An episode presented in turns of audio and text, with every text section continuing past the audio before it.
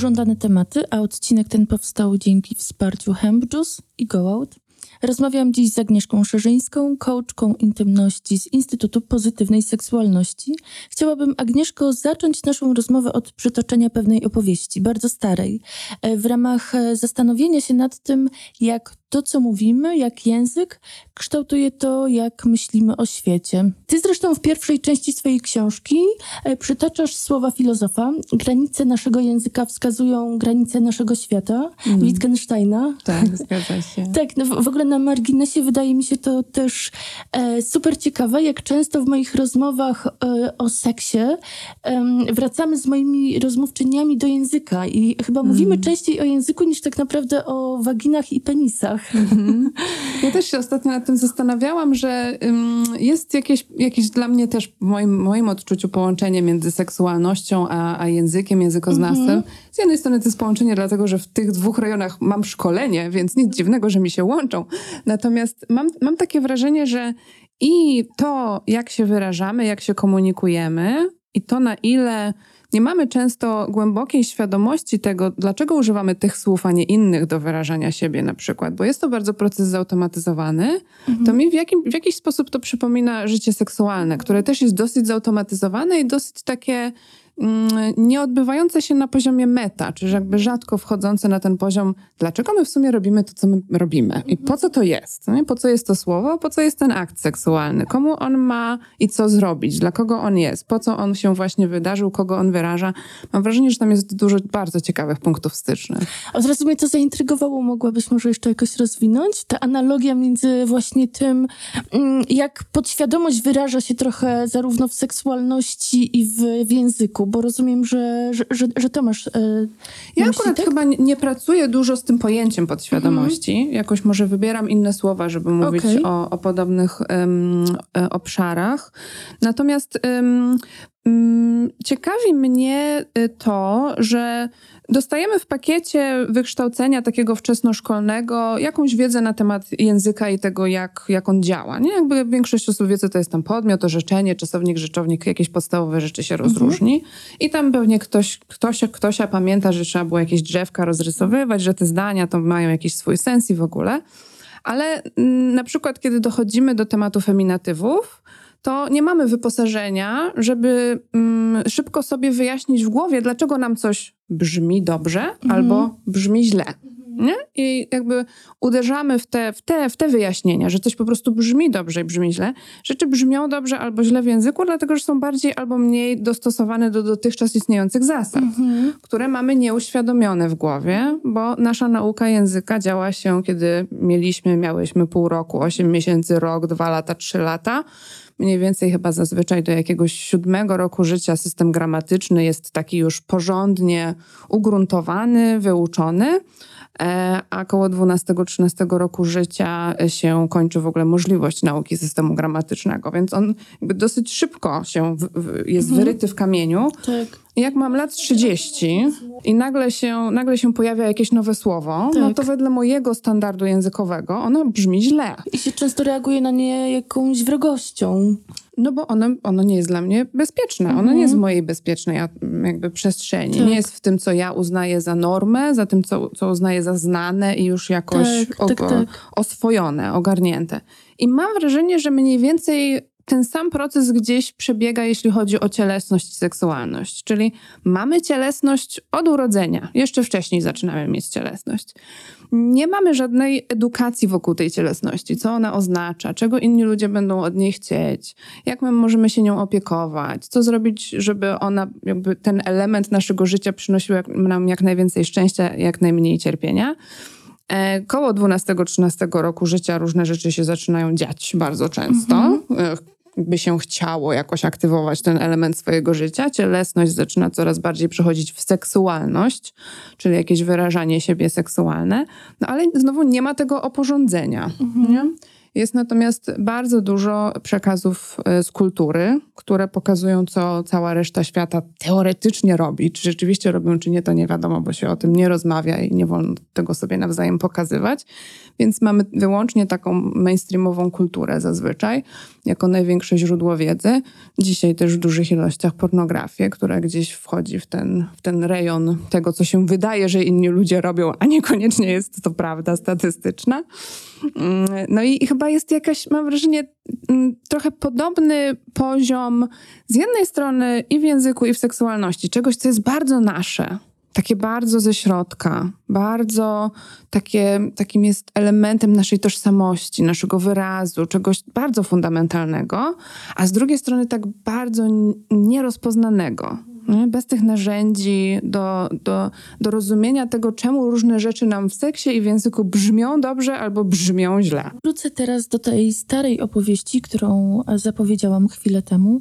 Pochodzi ona z hymnów homeryckich, czyli około 600 lat sprzed naszej ery. E, a hymny te były opowieściami kierowanymi do poszczególnych bogów greckich. Ten opowiada m.in. o Terezjaszu, który był wróżbitą w mitologii greckiej. Terezjaszowi Zeus i Hera powierzyli zadanie rozstrzygnięcia pewnego sporu. Spór ten dotyczył tego, kto odczuwa większą przyjemność w trakcie stosunku seksualnego, kobieta czy mężczyzna. Terezjasz wcielił się kolejno w dwa parzące się węże, samca i samica. Jednak jego e, odpowiedź wyprowadziła z równowagi Herę. Terezjasz powiedział, Mężczyzna odczuwa jedną dziesiątą rozkoszy, lecz kobiece zmysły odczuwają wszystkie dziesięć części. Więc na początku właściwie nie wiadomo, dlaczego Hera aż tak mocno się zdenerwowała. Przecież e, wygrała spór. Jednak warto zarysować tutaj kontekst. Grecy uważali, że rozkosz zmysłowa jest przeciwieństwem mądrości, opanowania i kontroli.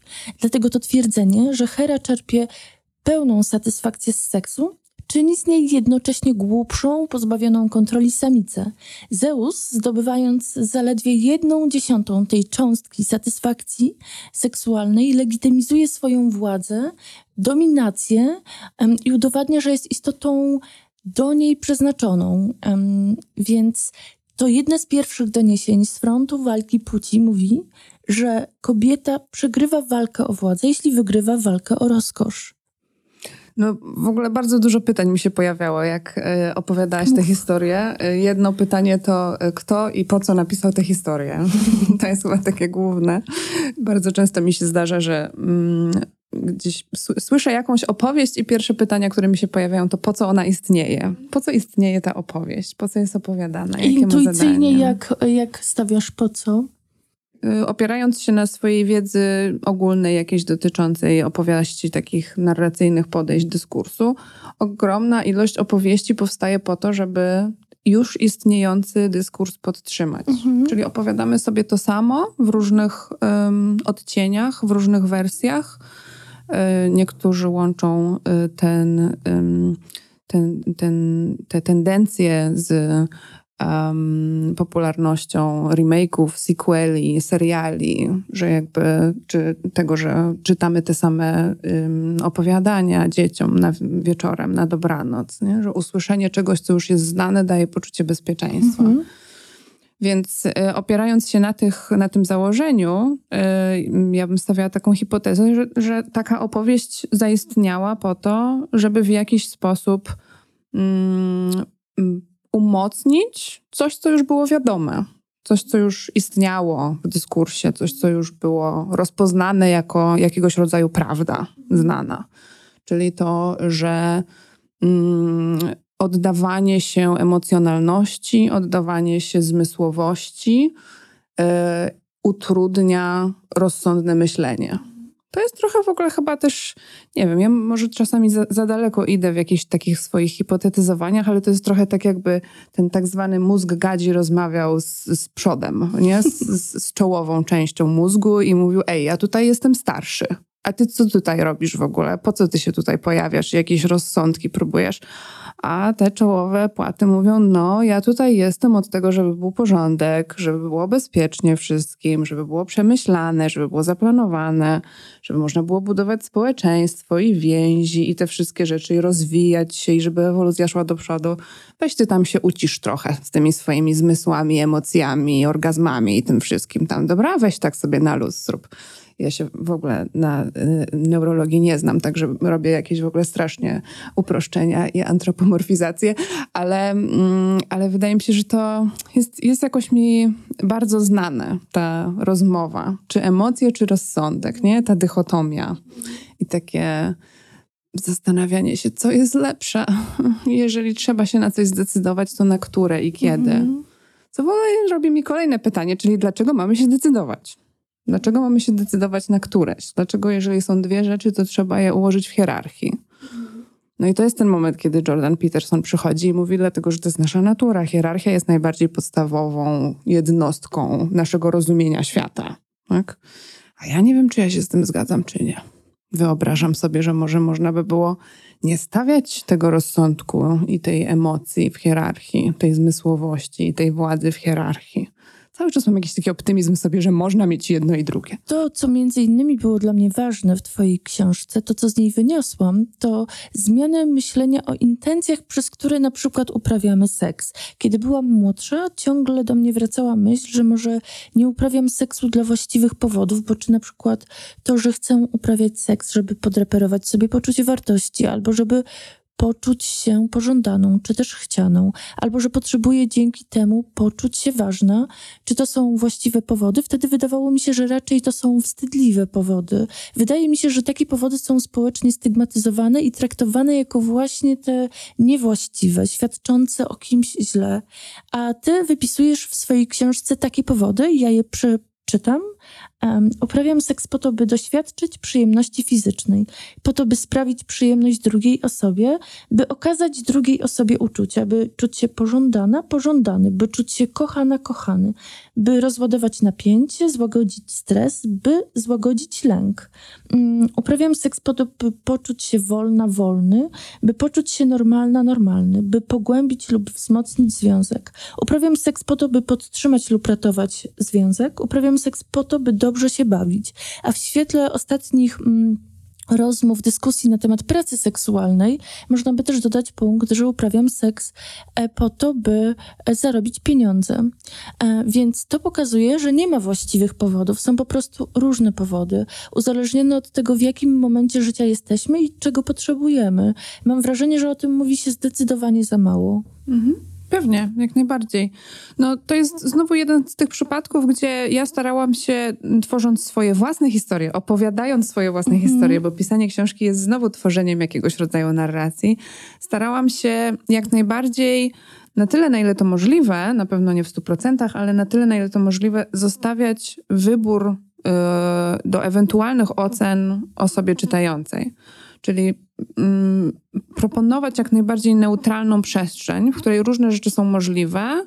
I to nie do mnie należy ocenienie, czy coś jest właściwe, czy nie, bo, bo każdą rzecz tego rodzaju najbardziej warto rozróżniać we własnym kontekście. To, co w jednym kontekście dla jednej osoby będzie super fajne, dla innej będzie zupełnie beznadziejnym pomysłem. Więc jedna osoba może chcieć uprawiać seks po to, żeby rozładowywać stres, a dla drugiej to będzie w ogóle złapanie się za głowę, jak można tak odzierać seks z jego magii, że on jest do rozładowywania stresu. Jak można go tak instrumentalnie traktować, swoje ciało na przykład. Nie? Tak, a dla kogoś innego to jest wspaniały potencjał tego, że jakaś e, chemia, która buzowała w środku, w końcu ma jakieś ujście, można porządnie się zrelaksować, można porządnie z siebie różne rzeczy wyrzucić i, i to jest piękne w rozumieniu tej osoby, nie?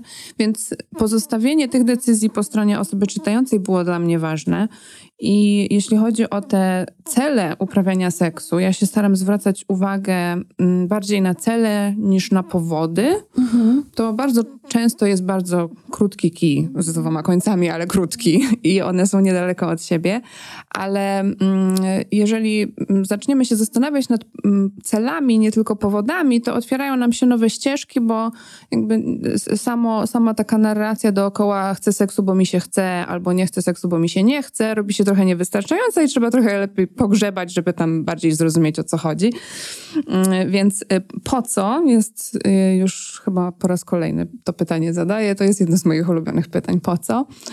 Y, I, I, rzeczywiście istnieją takie podejścia do pracy z seksualnością. Między innymi jest taka książka, która na pierwszy rzut oka, ona była już jakiś czas temu wydawana i, i wygląda na taką um, um, bardzo um, nie, nie, nie, nie naukowe, nie terapeutyczne podejście, tylko bardziej taką poradnikową, natomiast ma w środku dużo ciekawych i, i takich w sumie właśnie wynikających z klinicznej e, perspektywy, perspektywy pracy w gabinecie, różnych podejść. Książka Dlaczego ze sobą sypiamy?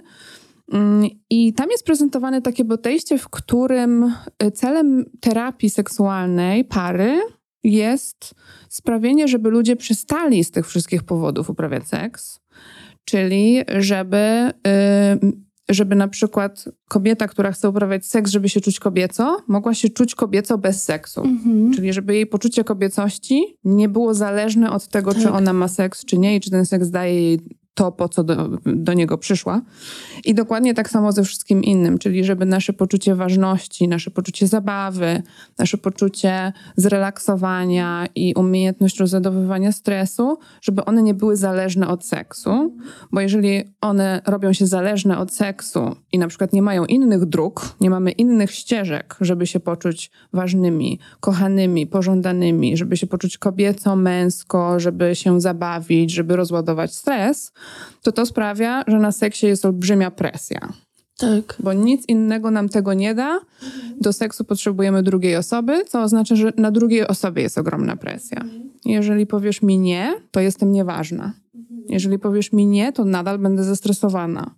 Jeżeli powiesz mi nie, to będę niekochana i niepożądana. To są dosyć mocne konsekwencje takiego układu. Tylko, że ja, ja cytuję z tej książki, z tego podejścia, ja jakby widzę sens, y, wie, wiem, wiem, wydaje mi się, że wiem o co chodzi autorom tego podejścia, natomiast mm, wydaje mi się, że żeby móc trochę bardziej uwolnić seks od mm, takiej presji spełniania jakichś bardzo fundamentalnych rzeczy w nas, to najpierw w ogóle musimy sobie pozwolić na to, że tak mamy. Mhm. Czyli ja jestem zwolenniczką takiego podejścia, w którym kiedy para przychodzi do mojego gabinetu i mówi robimy to, robimy to, robimy to, to ja nie zaczynam mówić, no to źle robić, trzeba robić inaczej, tylko ja mówię, ok, robicie tak teraz, co tam to daje, w czym nam to przeszkadza i jak chcecie robić inaczej. Mhm. Czyli wyjście z założenia, że przede wszystkim potrzebujemy jakoś osadzić się w naszej rzeczywistości teraz i rozpoznać ją. Na przykład zrozumieć, że uprawiam seks po to, żeby czuć się ważna. Mhm. I pozwolić sobie na to. Mhm. I pogłaskać się po głowie za to, że do tej pory nie zebrałam innych narzędzi na przykład i trochę zaczyna mi to doskwierać, bo w sumie to wolałabym się czuć ważna też z, z różnych innych źródeł niż tylko seksualne. Poszukam sobie tych źródeł i teraz już nie muszę koniecznie rezygnować z tego seksualnego, bo mam inne. Więc seks już nie jest być albo nie być. Tak, nie ma takiej presji, też nie, nie prowadzi do takich często może desperackich kroków. Hmm, tak, tak, bo właśnie nie spoczywa na nim pełna odpowiedzialność za jakąś naszą potrzebę, która mhm. nie ma za bardzo innej możliwości spełnienia. Mm, więc stąd, stąd to takie zastanawianie się nad tym właśnie, po co nam ten seks, żeby przede wszystkim zrozumieć, jak mamy teraz, jakie są teraz nasze powody, y, jakie są teraz nasze cele? I czy to nam odpowiada, na ile nam to odpowiada, bo w moim podejściu takim, y, moje podejście, ja je nazywam coachingiem intymności, ale ono mocno jest zainspirowane terapią skoncentrowaną na rozwiązaniach i tam jest taka zasada, jak się nie popsuło, to nie naprawiaj. Więc jak się nie popsuło, to nie naprawiamy. Jeżeli seks jest jedynym sposobem, w którym czuję się ważna, i to jest dla mnie ok, że właśnie tak jest. i nie potrzebuję mieć innych źródeł mhm. poczucia ważności, bo tak mi odpowiada, no to nie popsuło się, to nie naprawiaj. Zajmujesz się też niedopasowaniem seksualnym e, par i to bardzo mnie interesuje. Czy jest coś takiego jak e, z Twojej perspektywy tego rodzaju niedopasowania, które powodują, e, że że lepiej, żeby na przykład związek się rozpadł, e, rozszedł, ale też pisząc o niedopasowaniu par, powołujesz się na najbardziej znaną parę na świecie, Romeo i Julię, mm, i proponujesz też taki eksperyment, że gdyby nie było tak, że para ta skończyła w tak tragiczny sposób? I gdyby mieli możliwość tego, żeby kontynuować swoją relację? I gdyby na przykład okazało się, że Romeo w konsekwencji tego, że ciąży na nim tak ogromna presja, ponieważ jest takim symbolem romantycznym, e, ma ochotę w związku z tym oddawać czasami kontrolę nad sobą i oddawać się dominacji e, Julii i ma ochotę dostawać od niej klapsy, ale jednocześnie jest tak, że Wioli wywołuje to e, bunt, jakiś sprzeciw, może jakiś lęk nawet, więc nie potrafi odpowiadać na tą jego potrzebę. No i właśnie, no i, no i co wtedy? I bardzo bym chciała, żebyś właśnie powiedziała też o tym, bo to mnie właściwie od zawsze interesuje. Czy jest tak, że naprawdę można być tak niedopasowanym, że właściwie z tym nie da się pracować? Czy są tego rodzaju do niedopasowania, które na hmm. przykład powodują, że że mimo wszystko można jakoś um, wypracować jakiegoś rodzaju kompromis, albo mimo wszystko kontynuować relacje. Mhm, mhm. No wydaje mi się, że to, to jest ten przypadek, kiedy mm, przydaje się norma cierpienia. Czyli um, możemy zrobić założenie, że prawdopodobnie z każdej sytuacji jest jakieś wyjście. Pytanie, czy te dwie osoby, które tworzą te relacje, dajmy na to, że dwie, chcą to rozwiązanie zaakceptować. Czy ono będzie y, wywoływało zbyt dużo cierpienia -hmm. dla którejś z tych osób, że po prostu zostanie przekroczona granica i nie będzie gotowości istnienia w, takim, w takiej wersji, w takim rozwiązaniu. Czyli na przykład, tak żeby to sprowadzić trochę mniej z takich psychologicznych rzeczy do może takich bardziej fizjologicznych, dotykalnych, jeżeli są dwie osoby, którym bardzo zależy na seksie penetracyjnym. Mm -hmm. Jedna jest zbudowana tak, że ma bardzo dużego mm -hmm. penisa, druga jest zbudowana tak, że ma wąską pochwę i mięśnie dosyć mocno zaciśnięte na miednicy, to oczywiście, że jest milion sposobów, żeby z tym pracować. Sposób numer jeden, zrezygnować z seksu penetracyjnego mm -hmm. i cieszyć się milionem innych fantastycznych rzeczy i być szczęśliwymi. Sposób drugi, e, udać się do fizjoterapeutki uroginekologicznej, zobaczyć, czy coś tam się daje zrobić, co będzie jakoś rozluźniało różne stresy i tak dalej. Czasem się daje, czasem się nie daje. Eksplorować te ścieżki rozmawiać dużo ze sobą na temat y, swojego poczucia intymności, właśnie po co jest ten cały seks, ale to, to do tego wszystkiego trzeba mieć gotowość. Nie ma obowiązku mieć tej gotowości. Mhm. Jest jakby każda osoba będąca w takiej sytuacji ma pełne prawo któregoś dnia powiedzieć sobie, ja już dłużej nie chcę. Nie chcę tych rozwiązań, nie chcę, nie chcę rozwiązywać tego problemu dłużej. To jest dla mnie zbyt duży powód do cierpienia potrzebuje to zakończyć i szukać gdzie indziej czegoś, co nie będzie powodowało tak dużego... Takiego dyskomfortu, albo tak. uruchomiało jakichś lęków na przykład, albo... Mhm. Mhm. Nie chcę rezygnować z tego wszystkiego, czego chcę. Chcę mieć fajny seks penetracyjny. Nie chcę z niego rezygnować. Nawet na tydzień nie chcę z niego rezygnować. Kropka. I każda osoba będzie miała gdzie indziej ten moment, nie? Tak. Ten moment, w którym to już, to już przekracza moje granice, to już nie jest coś, na co jestem w stanie się zgodzić, czy mieć gotowość. I to jest jedno, wydaje mi się, z trudniejszych pytań do odpowiadania sobie. Gdzie tak. jest mój moment? Gdzie jest mój moment i jednocześnie zakładając, że na przykład bardzo kocham osobę, z którą jestem. Dokładnie tak. Czyli to brzmi jak y, naprawdę bardzo poważny dylemat. Mhm.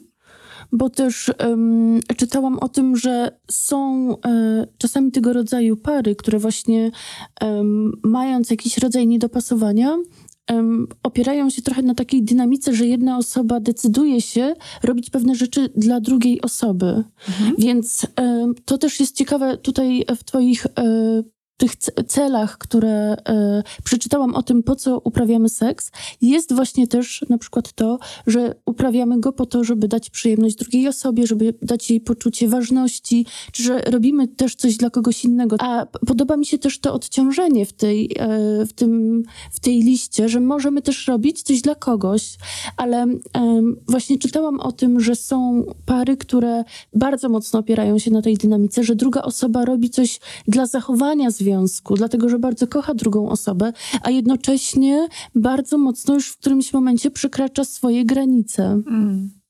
No to, godząc się tak. na, jakieś, e, na jakieś zachowania, typu na przykład um, formy jakiejś, na przykład uczestniczenia w orgiach, czy czegoś mm. takiego, co może być e, jakoś tam problematyczne na przykład? No, z, z, moich obserwacji wynika, że czasem za przeproszeniem najbardziej typowy, zwykły seks y, według tradycyjnego skryptu, trochę całowania, rozbierania się i seks penetracyjny y, znajduje się bardzo daleko za czyjąś granicą.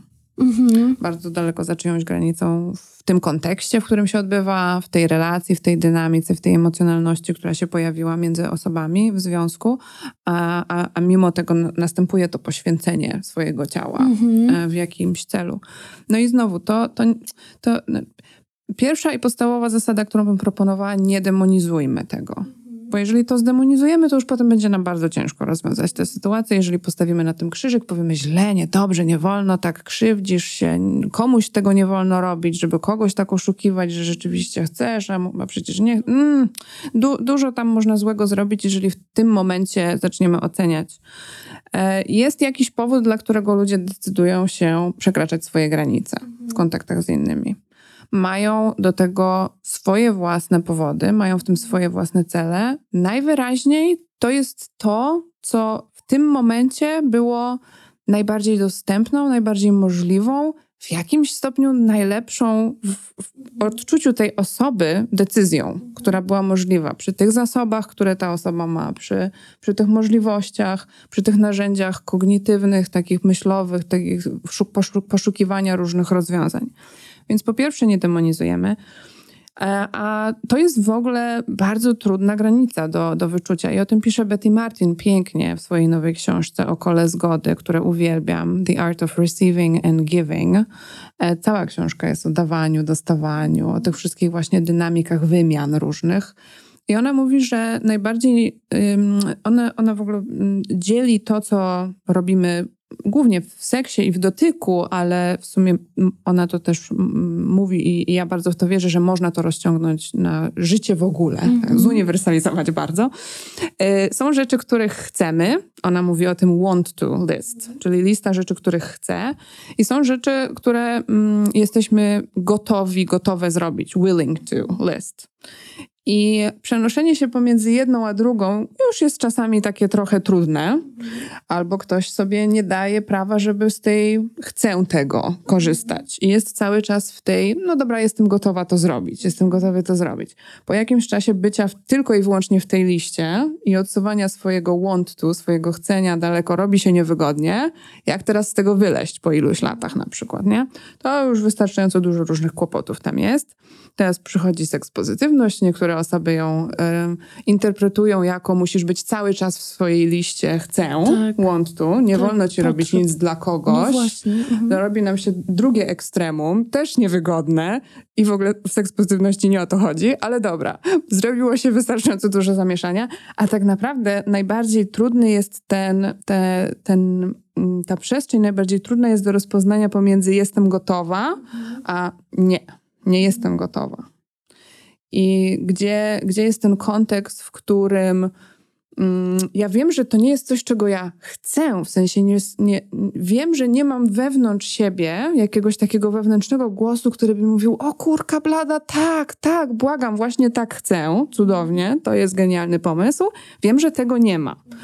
Ale też nie mam takiego takiego twardego, absolutnie uff, nie, fuj, absolutnie nie, obrzydliwe, ja nie chcę, nie dla mnie, nie podoba mi się, nic z tym nie ma ciekawego dla mnie. Ani to, ani to. No i teraz skąd wiedzieć i po czym poznać, że y, to moje takie, ten taki znak zapytania, który odczuwam, to to jest znak zapytania y, bardziej w stronę mogę w tym wziąć udział, nie będzie to dla mnie krzywda, będzie w sumie dla mnie fajne, że tobie to sprawi przyjemność i to będzie mi dawało przyjemność, że daje ci coś, co tobie sprawia przyjemność? Czy to jest ten, to, ten znak zapytania idący w stronę nie, czyli no w sumie wolałabym nie musieć brać mm -hmm, w tym udziału. Mm -hmm. nie?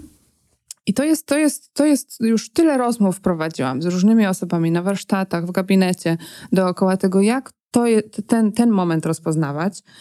E, I, I jak? No, są, są takie dwie ścieżki, które ja teraz rozpoznaję. Jedna ścieżka to jest ścieżka, yy, jeżeli masz znak zapytania, to to jest nie. Mhm. Po prostu. Czyli yy, dopóki nie, nie masz jakiegoś rodzaju jasności, że jest tam bardziej tak, to jeżeli, jeżeli nie wiesz, to załóż, że nie. Mhm. Czyli z, z, takim, z, takim, mm, z taką perspektywą, że y, lepiej czegoś nie zrobić i pozostać w poczuciu bezpieczeństwa, niż zrobić i przekroczyć coś, tak, co i mieć będzie... jakieś poczucie krzywdy na przykład. Tak, mhm. i stworzyć jakieś poczucie cierpienia tak. sobie. E, jakby nikomu się nigdzie nie spieszy. Mhm. Strasznie. Czasami możemy się bardzo spieszyć z różnymi rzeczami, bo mamy tę osobę na jedną noc albo coś i w ogóle, ale jeżeli jakby dajemy sobie perspektywę swojej seksualności jako czegoś, co istnieje przez całe nasze życie od samego początku do samego końca, to wyjdźmy z założenia, że się nie spieszymy z podejmowaniem decyzji na temat na przykład całkowicie nowej aktywności. Mhm jest duże prawdopodobieństwo, że ona jutro i pojutrze i za tydzień będzie w jakiś sposób dla nas mhm. dostępna. Może nam się uda znowu stworzyć tego rodzaju sytuację, w której teraz jesteśmy. Więc jeżeli jest znak zapytania, to nie.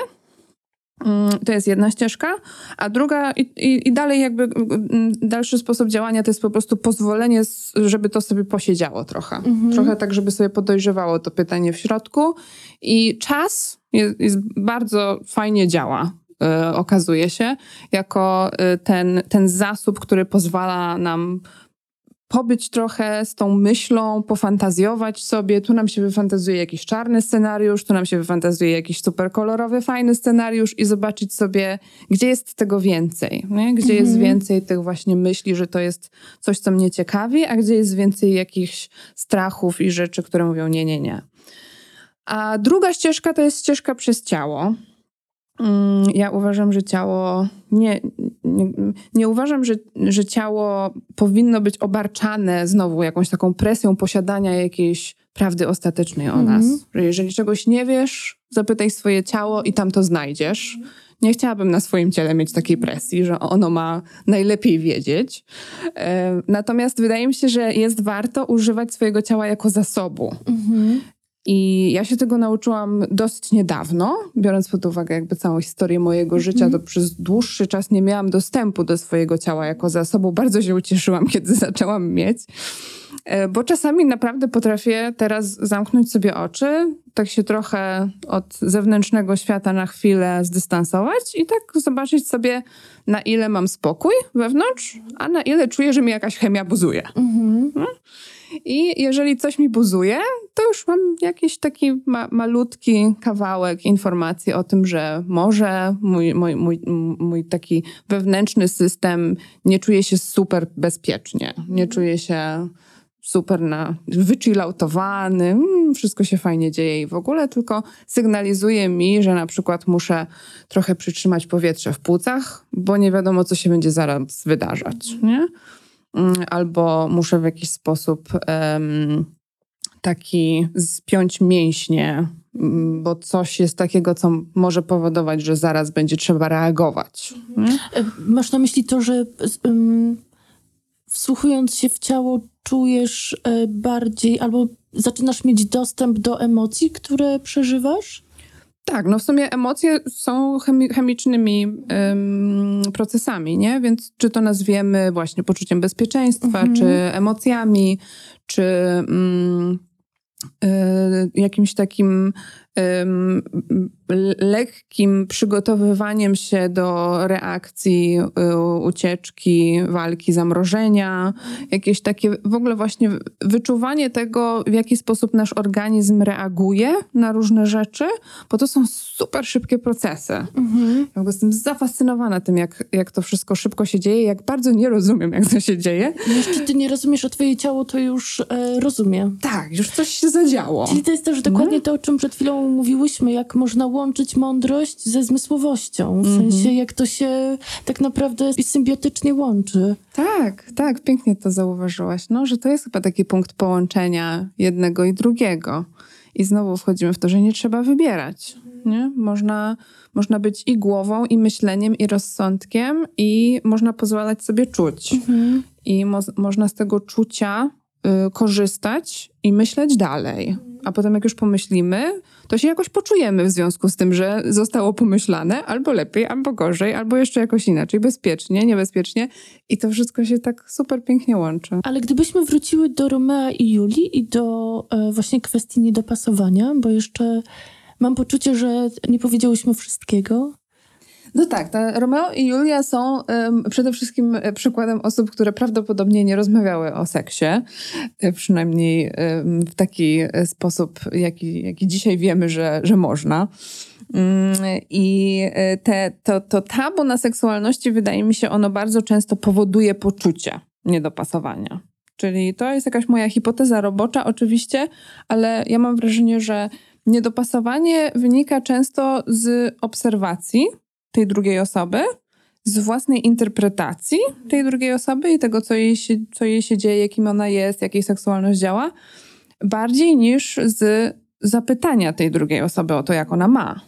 Bo do tego często nie mamy dostępu jako do możliwości, mhm. która albo nam przychodzi do głowy, albo jest do wykonania, albo wydaje się właściwą i, i skuteczną i konstruktywną, konstruktywnym działaniem. Takie pytanie może być bardzo trudne, bo wiem ze swojego doświadczenia, że często e, fantazjowałam na temat tego, czego może potrzebować druga osoba, z którą byłam w bliskiej relacji. Jednocześnie miałam tak ogromny strach wokół tego, tak, ogromny, z tak ogromnym lękiem wiązało się e, dla mnie skonfrontowanie tej osoby z tymi moimi fantazjami, że to właściwie mnie absolutnie blokowało. Mhm.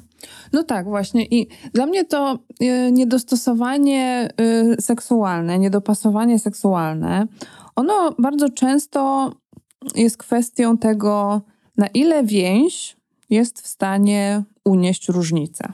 Mhm. To jest takie pytanie, które w ogóle jakoś ze mną jest ostatnio.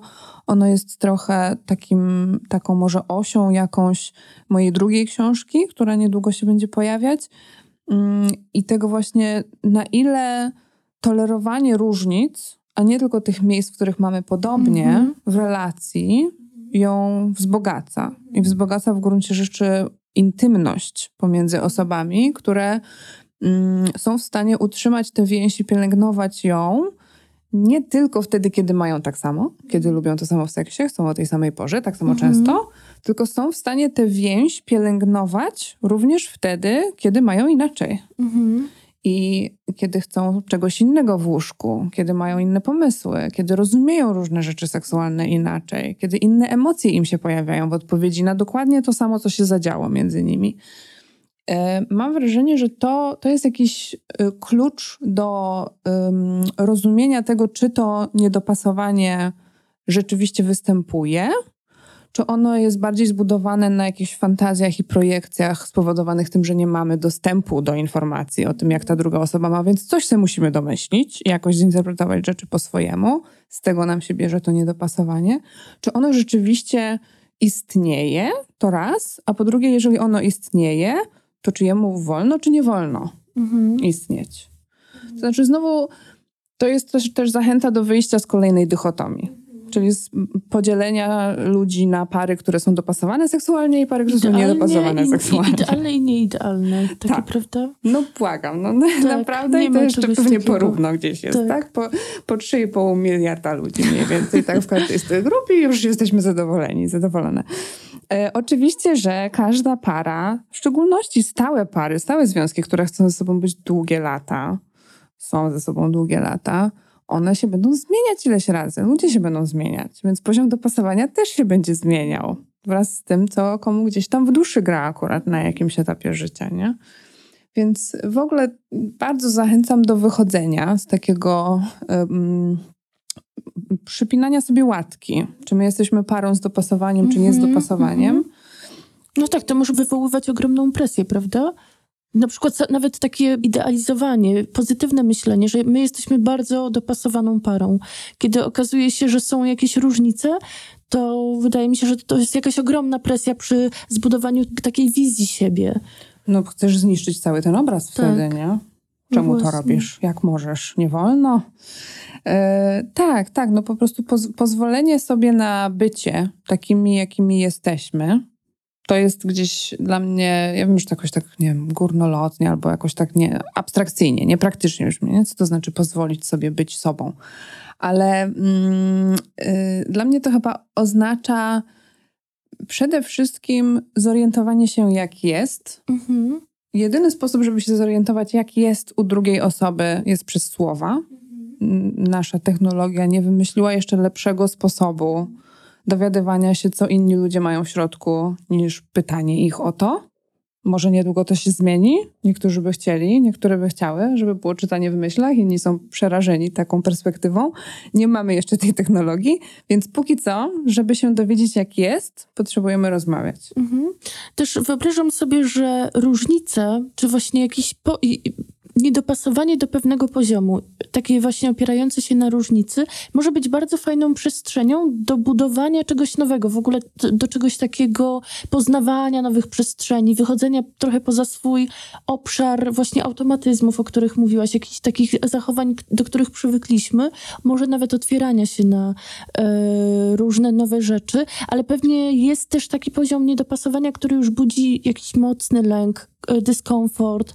I zastanawiam się, czy to jest, e, czy można się tutaj posłużyć trochę proporcjami plusów i minusów, czyli kiedy na przykład mamy z relacji jednak e, więcej plusów niż minusów, to warto o nią jakoś zabiegać nadal, czy walczyć o jej przetrwanie, czy to jest rzeczywiście wtedy mm, w jakiś sposób le legitymizuje jej trwanie, czy już to takie zdecydowane zdecydowany przechył w stronę minusów już jednak jest takim sygnałem, że może lepiej, e, lepiej się, się rozłączyć, mm rozstać. No wydaje mi się, że do pewnego stopnia tutaj na nazywasz tę normę cierpienia, nie? Czyli mm -hmm. kiedy cierpienia jest więcej niż szczęścia, tak. czy kiedy tego cierpienia jest za dużo wobec tego, co jesteśmy w stanie e, unieść e, i co jeszcze ma dla nas sens jako działanie.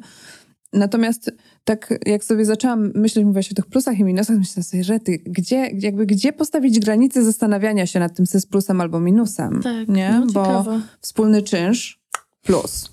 A nie mogę uprawiać tego seksu, który bym chciała, minus. E, wynosi śmieci, plus. Nie? Y, fajne spacery z psem razem, plus. Jakby nie? Gdzie, mhm. gdzie, jest, gdzie jest ta przestrzeń, y, w której się zatrzymujemy z tymi plusami tak. i minusami? To jest chyba nie, nieskończony mhm. obszar, nieskończony mhm. worek, w którym można by było grzebać y, i seks będzie tylko jednym z wielu, wielu elementów. Mhm. Y, które będziemy brać pod uwagę. No właśnie, takich... a może być tak naprawdę jakimś decydującą jedną rzeczą, prawda? Tak, i to może być wystarczająco duży minus, tak. żeby on wystarczył. Przy całej ogromnej grupie plusów. Tak. Też wydaje mi się, że kiedy w ogóle to mówiłam, to uświadomiłam sobie, że przykładanie języka logiki do języka miłości czy intymności mm. jest e, super trudne, bo od razu sobie pomyślałam o tym, jak ja się kierowałam różnymi przeliczeniami, to one w ogóle do mnie nie trafiały. Mhm. W sensie, e, kiedy, wiesz, nie miałam takiej, na tyle dystansu, żeby móc coś z boku logicznie, e, z dystansu sobie oszacować, po prostu z perspektywy tych emocji byłam tak bardzo blisko tego, że to mhm. właściwie nie, nie wchodziło w grę. Tak, tak. No, ja czasami zadaję takie, takie właśnie, powiedzmy, bardziej z tego, z tego rejonu logiki zadania osobom, z którymi pracuję coachingowo w gabinecie na przykład i mówię, zróbcie sobie dwie kolumny, po lewej wypisujemy to, po mhm. prawej to i zobaczymy, co z tego wyjdzie. Nie po to, żeby to miało jakąś naukową wartość, tylko bardziej, żeby w samym procesie tworzenia mhm. takiej listy, dajmy na to plusów i minusów czegoś, pojawiły się jakieś nowe myśli? Mhm. Pojawiły się jakieś nowe rzeczy, które nas stworzą jakieś fajne, ciekawe ścieżki eksploracji. Może nie po to, żeby tam znowu znaleźć jakąś prawdę ostateczną. Ten proces takiego bardziej rozsądkowego, logicznego mhm. podchodzenia do na przykład różnych stanów, um, które wywołują cierpienie, wywołują strach, lęk, ale też jednocześnie jakąś radość i szczęście, on jest jeszcze utrudniony przez błędy poznawcze. Mhm. Na przykład w decydowaniu, czy chcemy być dalej w jakiejś relacji, czy nie chcemy, wchodzi nam błąd poznawczy, nie pamiętam jak on się nazywa, ma coś wspólnego z inwestycjami, że jak już mhm. zainwestu- A, zainwestujemy w coś, tak. to już jest nam znacznie trudniej to przerwać. Tak. Po tygodniu inwestycji jest znacznie łatwiej przerwać niż po roku inwestycji, tak. mimo tego, że nie mamy, nie mamy e, jakby podstaw do tego, żeby zakładać, że to będzie ten lepszy wybór, że jeżeli coś dłużej trwa, no, tak. to ma większą szansę dać nam ten efekt, tak. którego tam szukamy coś, co trwa dzień albo tydzień, może nam mhm. dać bardzo duży efekt, coś, co trwa rok, może nam dać bardzo mały, ale mhm. tutaj już była ta inwestycja tworzona, mhm. wobec czego gdzieś jest takie, takie przekonanie, że skoro już tak długo, to trzeba jeszcze trochę. I to są, to są jakieś błędy poznawcze, wydaje mi się, które z jednej strony warto znać, wiedzieć, że może nam się to przytrafiać, ale błędy poznawcze nie są czymś, czego możemy się pozbyć zupełnie, bo one są, to są adaptacyjne zachowania, czyli bez nich byłoby ciężko, bez robienia założeń i skrótów myślowych i uproszczeń byłoby ciężko. Mhm. A czy można też e, stwierdzić albo dać jakiś taki obraz temu, która ze stron częściej w, w takiej dynamice niedopasowania decyduje się na to, żeby wychodzić e, naprzeciw drugiej stronie, czyli też, żeby może bardziej badać ten swój obszar poza chcę, czy y, jestem gotowa zrobić. Widzisz, już mówię w formie żeńskiej, czyli domyślnie chyba chcę po prostu usłyszeć tę odpowiedź, że kobiety częściej idą na kompromisy, czy są, e, co, są w stanie jakoś wychodzić poza obszar swojego egoizmu, czy też e, egoizmu nawet takiego pojmowanego bardzo pozytywnie, czyli też takiego skupienia na, na swoich potrzebach. Mm, wiesz, jeśli chodzi o różnice płciowe, to znowu mi się pojawia pytanie po co? Mhm. Po, po co, co Po co, po co chcemy to wiedzieć, co, co ma nam to dać i co chcemy z tym zrobić? Bo na przykład, jeżeli poszukiwanie odpowiedzi na takie pytanie dajmy na to, że postawiamy hipotezę, jakby mhm. wolno nam stawiać hipotezy robocze. Hipoteza robocza jest taka, że większość kobiet będzie z większą gotowością zachowywała się tak, żeby się dopasować do drugiej strony. Mhm. Na przykład stawiamy taką hipotezę i, e, i chcemy się dowiedzieć, czy ona jest prawdziwa, po to, żeby dawać kobietom narzędzia do odróżniania mhm. sytuacji, w których rzeczywiście chcą się dopasować do kogoś, a tych sytuacji, w których chcą powiedzieć nie, nie mam gotowości się dostosować. Czyli właśnie mhm. wyczuwania tej najtrudniejszej, najbardziej newralgicznej granicy. E, no to w sumie, czy my musimy koniecznie zdać odpowiedź na to pytanie, żeby zacząć tworzyć te materiały i, i przekazywać te narzędzia? Możemy po prostu zacząć to robić, a może na dodatek one się jeszcze przydadzą komuś o innej tożsamości płciowej i będzie git. Więc ja trochę wychodzę z takiego założenia, że niekoniecznie muszę znać odpowiedzi na te pytania płciowe. Mm, stawiam jakieś hipotezy, patrzę, komu to jest potrzebne. E, nie, jakby nie zamykam drzwi, e, tylko daję jakieś umiejętności, które mogą się, przy, przy, mm, wydaje mi się, przydać każdemu, kto będzie miał ochotę, ktoś będzie miała ochotę. Mm, I tak sobie działam. I na przykład to jest, wydaje mi się, jakby statystycznie rzecz, którą mogę się dzielić, bez jakiejś dużej konieczności interpretowania jej może, ale e, w moich warsztatach na przykład bierze mniej więcej 85% udziału kobiet, mhm. czy też osob, osób, które używają żeńskich końcówek, mhm. kiedy ze mną rozmawiają, bo to jest to, co wiem na temat ich tożsamości płciowej i z tradycyjnie kobiecymi imionami. Mhm. I czy to coś mówi, czy to nic nie mówi, czy to jest kwestia odzwierciedlenia mojej płci, tego, kto prowadzi takie spotkanie na temat seksualności, czy tego, w jaki sposób ja piszę o tym, co robię, czy właśnie czegoś, co ja wysyłam w ten świat, czy to jest dowód na to, że kobiety są bardziej otwarte, żeby się uczyć o seksie, mm. albo są bardziej gotowe, albo feminizm nam pomógł, bo już te mm. trzy, cztery fale i już jesteśmy takie tak. do przodu, nie? Taki gotowy na zmiany, czy też taka może mamy chęć dowiadywania się o sobie, czegoś mm. nowego. No, no, no tak, ile, ile, różnych hipotez tak, można postawić z, tak. tego, z tej obserwacji, nie? Mhm. I próbować się zastanawiać. No i... Które być może więcej mówią nas o... No więcej mm. o nas mówią niż o jakimś rzeczywistym stanie. Tak. Mhm. Którą z tych odpowiedzi bym wolała, nie? Tak. Co bym no tak, wolała Agnieszka, żeby było prawdziwe? I co to mówiła Agnieszce? A powiedz, czego będzie dotyczyła twoja nowa książka? Mm, nowa książka to y, są, y, to jest to co, to, co już jest trochę znane z mojej pierwszej, czyli podejście warsztatowe, mhm. warsztaty intymności, ale ta książka będzie dla par. Mhm. Czyli założenie jest takie, że e, są w niej zawarte narzędzia. Dla niedopasowanych par? E, dla, dla najróżniejszych par. Okay. Starałam się zarzucić jakby naj, najbardziej, najszerszą sieć, jaka była możliwa. Jedna książka zdecydowanie nie jest w stanie wyczerpać tematu. I czułam to bardzo mocno, bardzo mnie to bolało, jak często chciałam jeszcze trochę popisać. I jeszcze, jeszcze taki kawałek, i jeszcze inny, jeszcze taki obszar, jeszcze inna grupa ludzi, która coś. Mm, bardzo, bardzo mi, jakby miałam takie poczucie, że to jest wycinek tego, co chciałabym powiedzieć. Ale starałam się najlepiej jak mogłam, żeby zawrzeć takie rzeczy, które mi najczęściej wychodzą w pracy z parami w gabinecie. Przede wszystkim na tym doświadczeniu się opierałam jakoś tak mapując sobie te tematy, które chciałam e, poruszyć. I książka w połowie jest o komunikacji, w połowie jest o seksie. Mhm. Czyli e, pierwsza połowa książki to są narzędzia językoznawcze, komunikacyjne, e, a druga połowa książki używa tych narzędzi, które w pierwszym mhm. zostały przekazane, bo już trochę bardziej wiemy, jak, jak, jak używać języka, żeby się dowiadywać, co tej drugiej osobie się dzieje mhm. i dawać znać, co nam się dzieje. Mm, I w drugiej części używamy tych narzędzi, żeby rozmawiać i decydować o różnych rzeczach związanych już konkretnie z życiem seksualnym. Mhm. Czyli na przykład, jak e, kwestia masturbacji będzie wyglądała mhm. u nas w relacji. I skąd to się bierze, że jedna osoba pożąda tak często, a druga osoba pożąda tak często. Mhm. I co na to wpływa. I co mhm. możemy sobie o tym nawzajem opowiedzieć, żeby lepiej rozumieć swoje mechanizmy działania seksualności. E, i co chcemy robić razem w łóżku i po co. E, po co? No właśnie.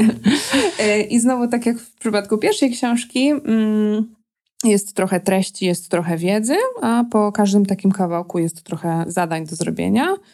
I w tym przypadku mamy zadania komunikacyjne, jeżeli ktoś zna pierwszą książkę, to one będą takie rozpoznawalne w takim sensie, że będzie ileś zdań do dokończenia, będzie jakaś mhm. tabelka do, do, do uzupełnienia. E, I e, kiedy już każda osoba ma trochę czasu na własną refleksję, to następuje potem krok, porozmawiajmy o tym, i dalej no, jest instrukcja do, do podzielenia się tymi treściami. A obok tego w tej książce nowej będą się pojawiać też zadania praktyczne czyli takie, gdzie już dwie osoby mają e, położyć książkę na półce i w jakiś sposób wejść ze sobą w interakcję. Czasami to jest związane z dotykiem i z seksem, mhm. czasami nie. Czasami niektóre z zadań zaczynają się od na dwa dni umówcie się, że nie będziecie uprawiać seksu, żeby wyczyścić trochę pole mhm. do różnych dynamik mhm. i przez ten czas robimy co innego. Więc takie, na takiej zasadzie będzie się opierała druga książka Warsztaty Intymności dla Par żeby jakoś zebrać właśnie najwięcej tych narzędzi w jednym miejscu, które wydaje mi się mają szansę pomagać decydować o życiu seksualnym pary, szczególnie w stałych związkach, mhm. kiedy to się zmienia na bieżąco, jeszcze na dodatek o rety. Dlaczego? Bardzo dziękuję Ci za rozmowę. Dzięki bardzo. I bardzo czekam na Twoją kolejną książkę. Sponsorem dzisiejszego odcinka jest Hemp Juice, olejki CBD. Sama ich używam i bardzo lubię. Są dla mnie naprawdę świetnym remedium, między innymi na bóle menstruacyjne.